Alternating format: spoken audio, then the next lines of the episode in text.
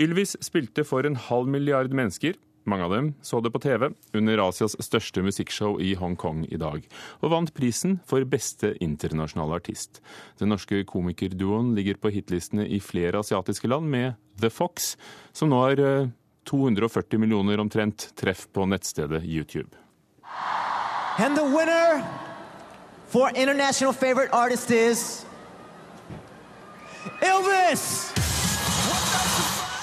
Den norske komikerduoen Ylvis vant prisen for beste utenlandske artist under TV-showet Mnet Asia Music Awards i dag.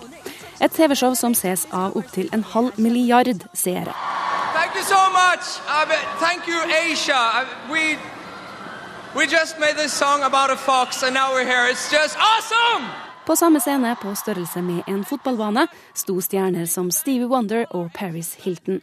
Ylvis fremførte The Fox sammen med den sørkoreanske jentegruppa Crayon og en oppblåsbar tre meter høy rev. Låten The Fox, som nå har nesten 240 millioner avspillinger på YouTube, ligger på hitlistene i flere asiatiske land.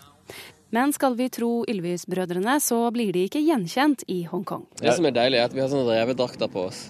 Vi gjemmer oss bak de revedraktene. da. Så eh, Kanskje revedraktene blir kjente, men eh, de guttene inni de tror jeg alltid kan ta T-banen i Hongkong. I Sør-Korea har The Fox ligget på toppen av hitlisten i fem uker. Det viser seg at The Fox altså Ordet for rev er samme som ordet for dame, eller noe sånt. Der. Flaks igjen. Så flaks igjen, så der er liksom en helt sånn dobbel bunn med hva damene sier. Etter gode listeplasseringer i USA har Ylvis opptrådt på flere amerikanske TV-show. I går bekreftet ABC at Ylvis skal opptre på finalen av amerikanske Skal vi danse over helgen.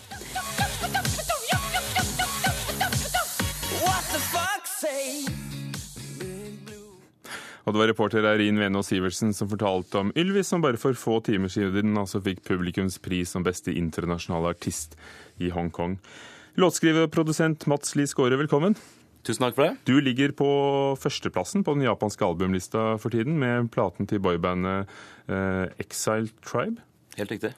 Eh, seks eh, millioner solgte låter. Hva skal til for å oppnå det? Ja, litt eh, dedikasjon da, og hardt arbeid. De har en ganske voldsom arbeidsmoral der borte.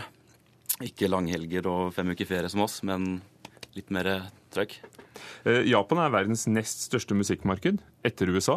Men hvordan eh, tjene penger? For vi hører jo ofte at det er nettopp turneene og konsertene som artisten tjener penger på, fordi det selges mindre plater enn før. Mm, men det er jo ikke tilfellet der. De selger jo fremdeles veldig mye plater. På det meste så har jeg opplevd å selge 750 sånn 000 plater på én uke. Så det er, det er, eh, et stort fysisk marked. Hvorfor, den, eh, hvorfor kjøper japanerne fortsatt CD-er?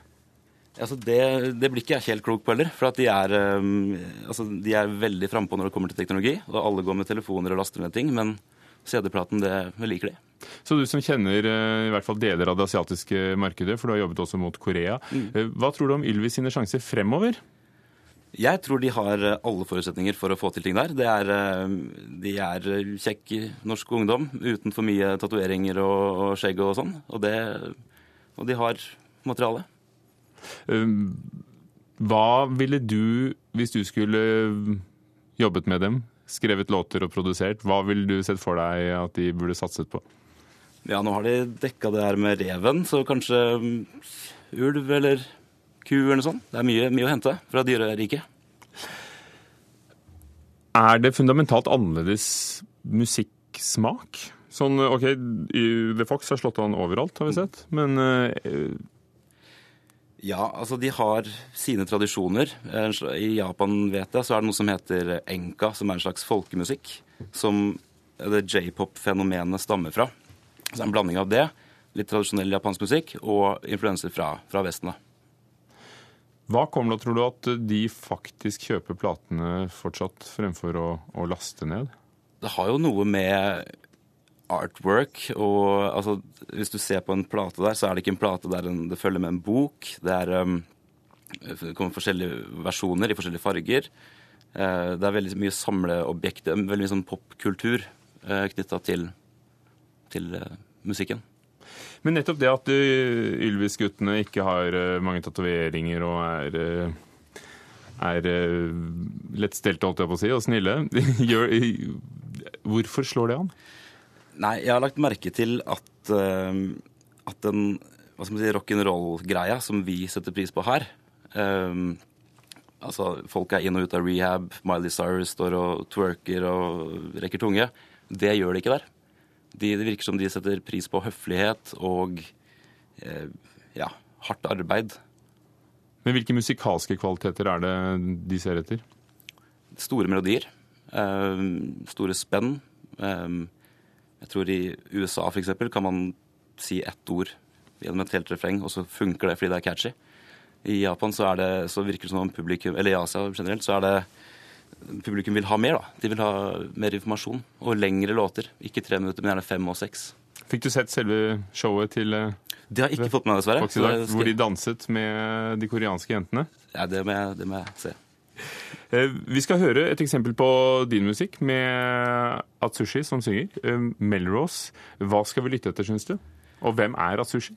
Atsushi er uh, hovedsangeren til det store boybandet Exile, som vi har jobbet mye med. Um, og dette er en singel som vi hadde med han i fjor. Og den handler om, for oss som ikke er så stø på japansk? Ja, nå er ikke jeg veldig god, jeg heller, men uh, jeg tror den, det er en slags kjærlighetshistorie om noe savn eller uh, ja, noe vakkert. Men din hånd, den er i melodien? Ja. Takk skal du ha, Mats Lie Skåre.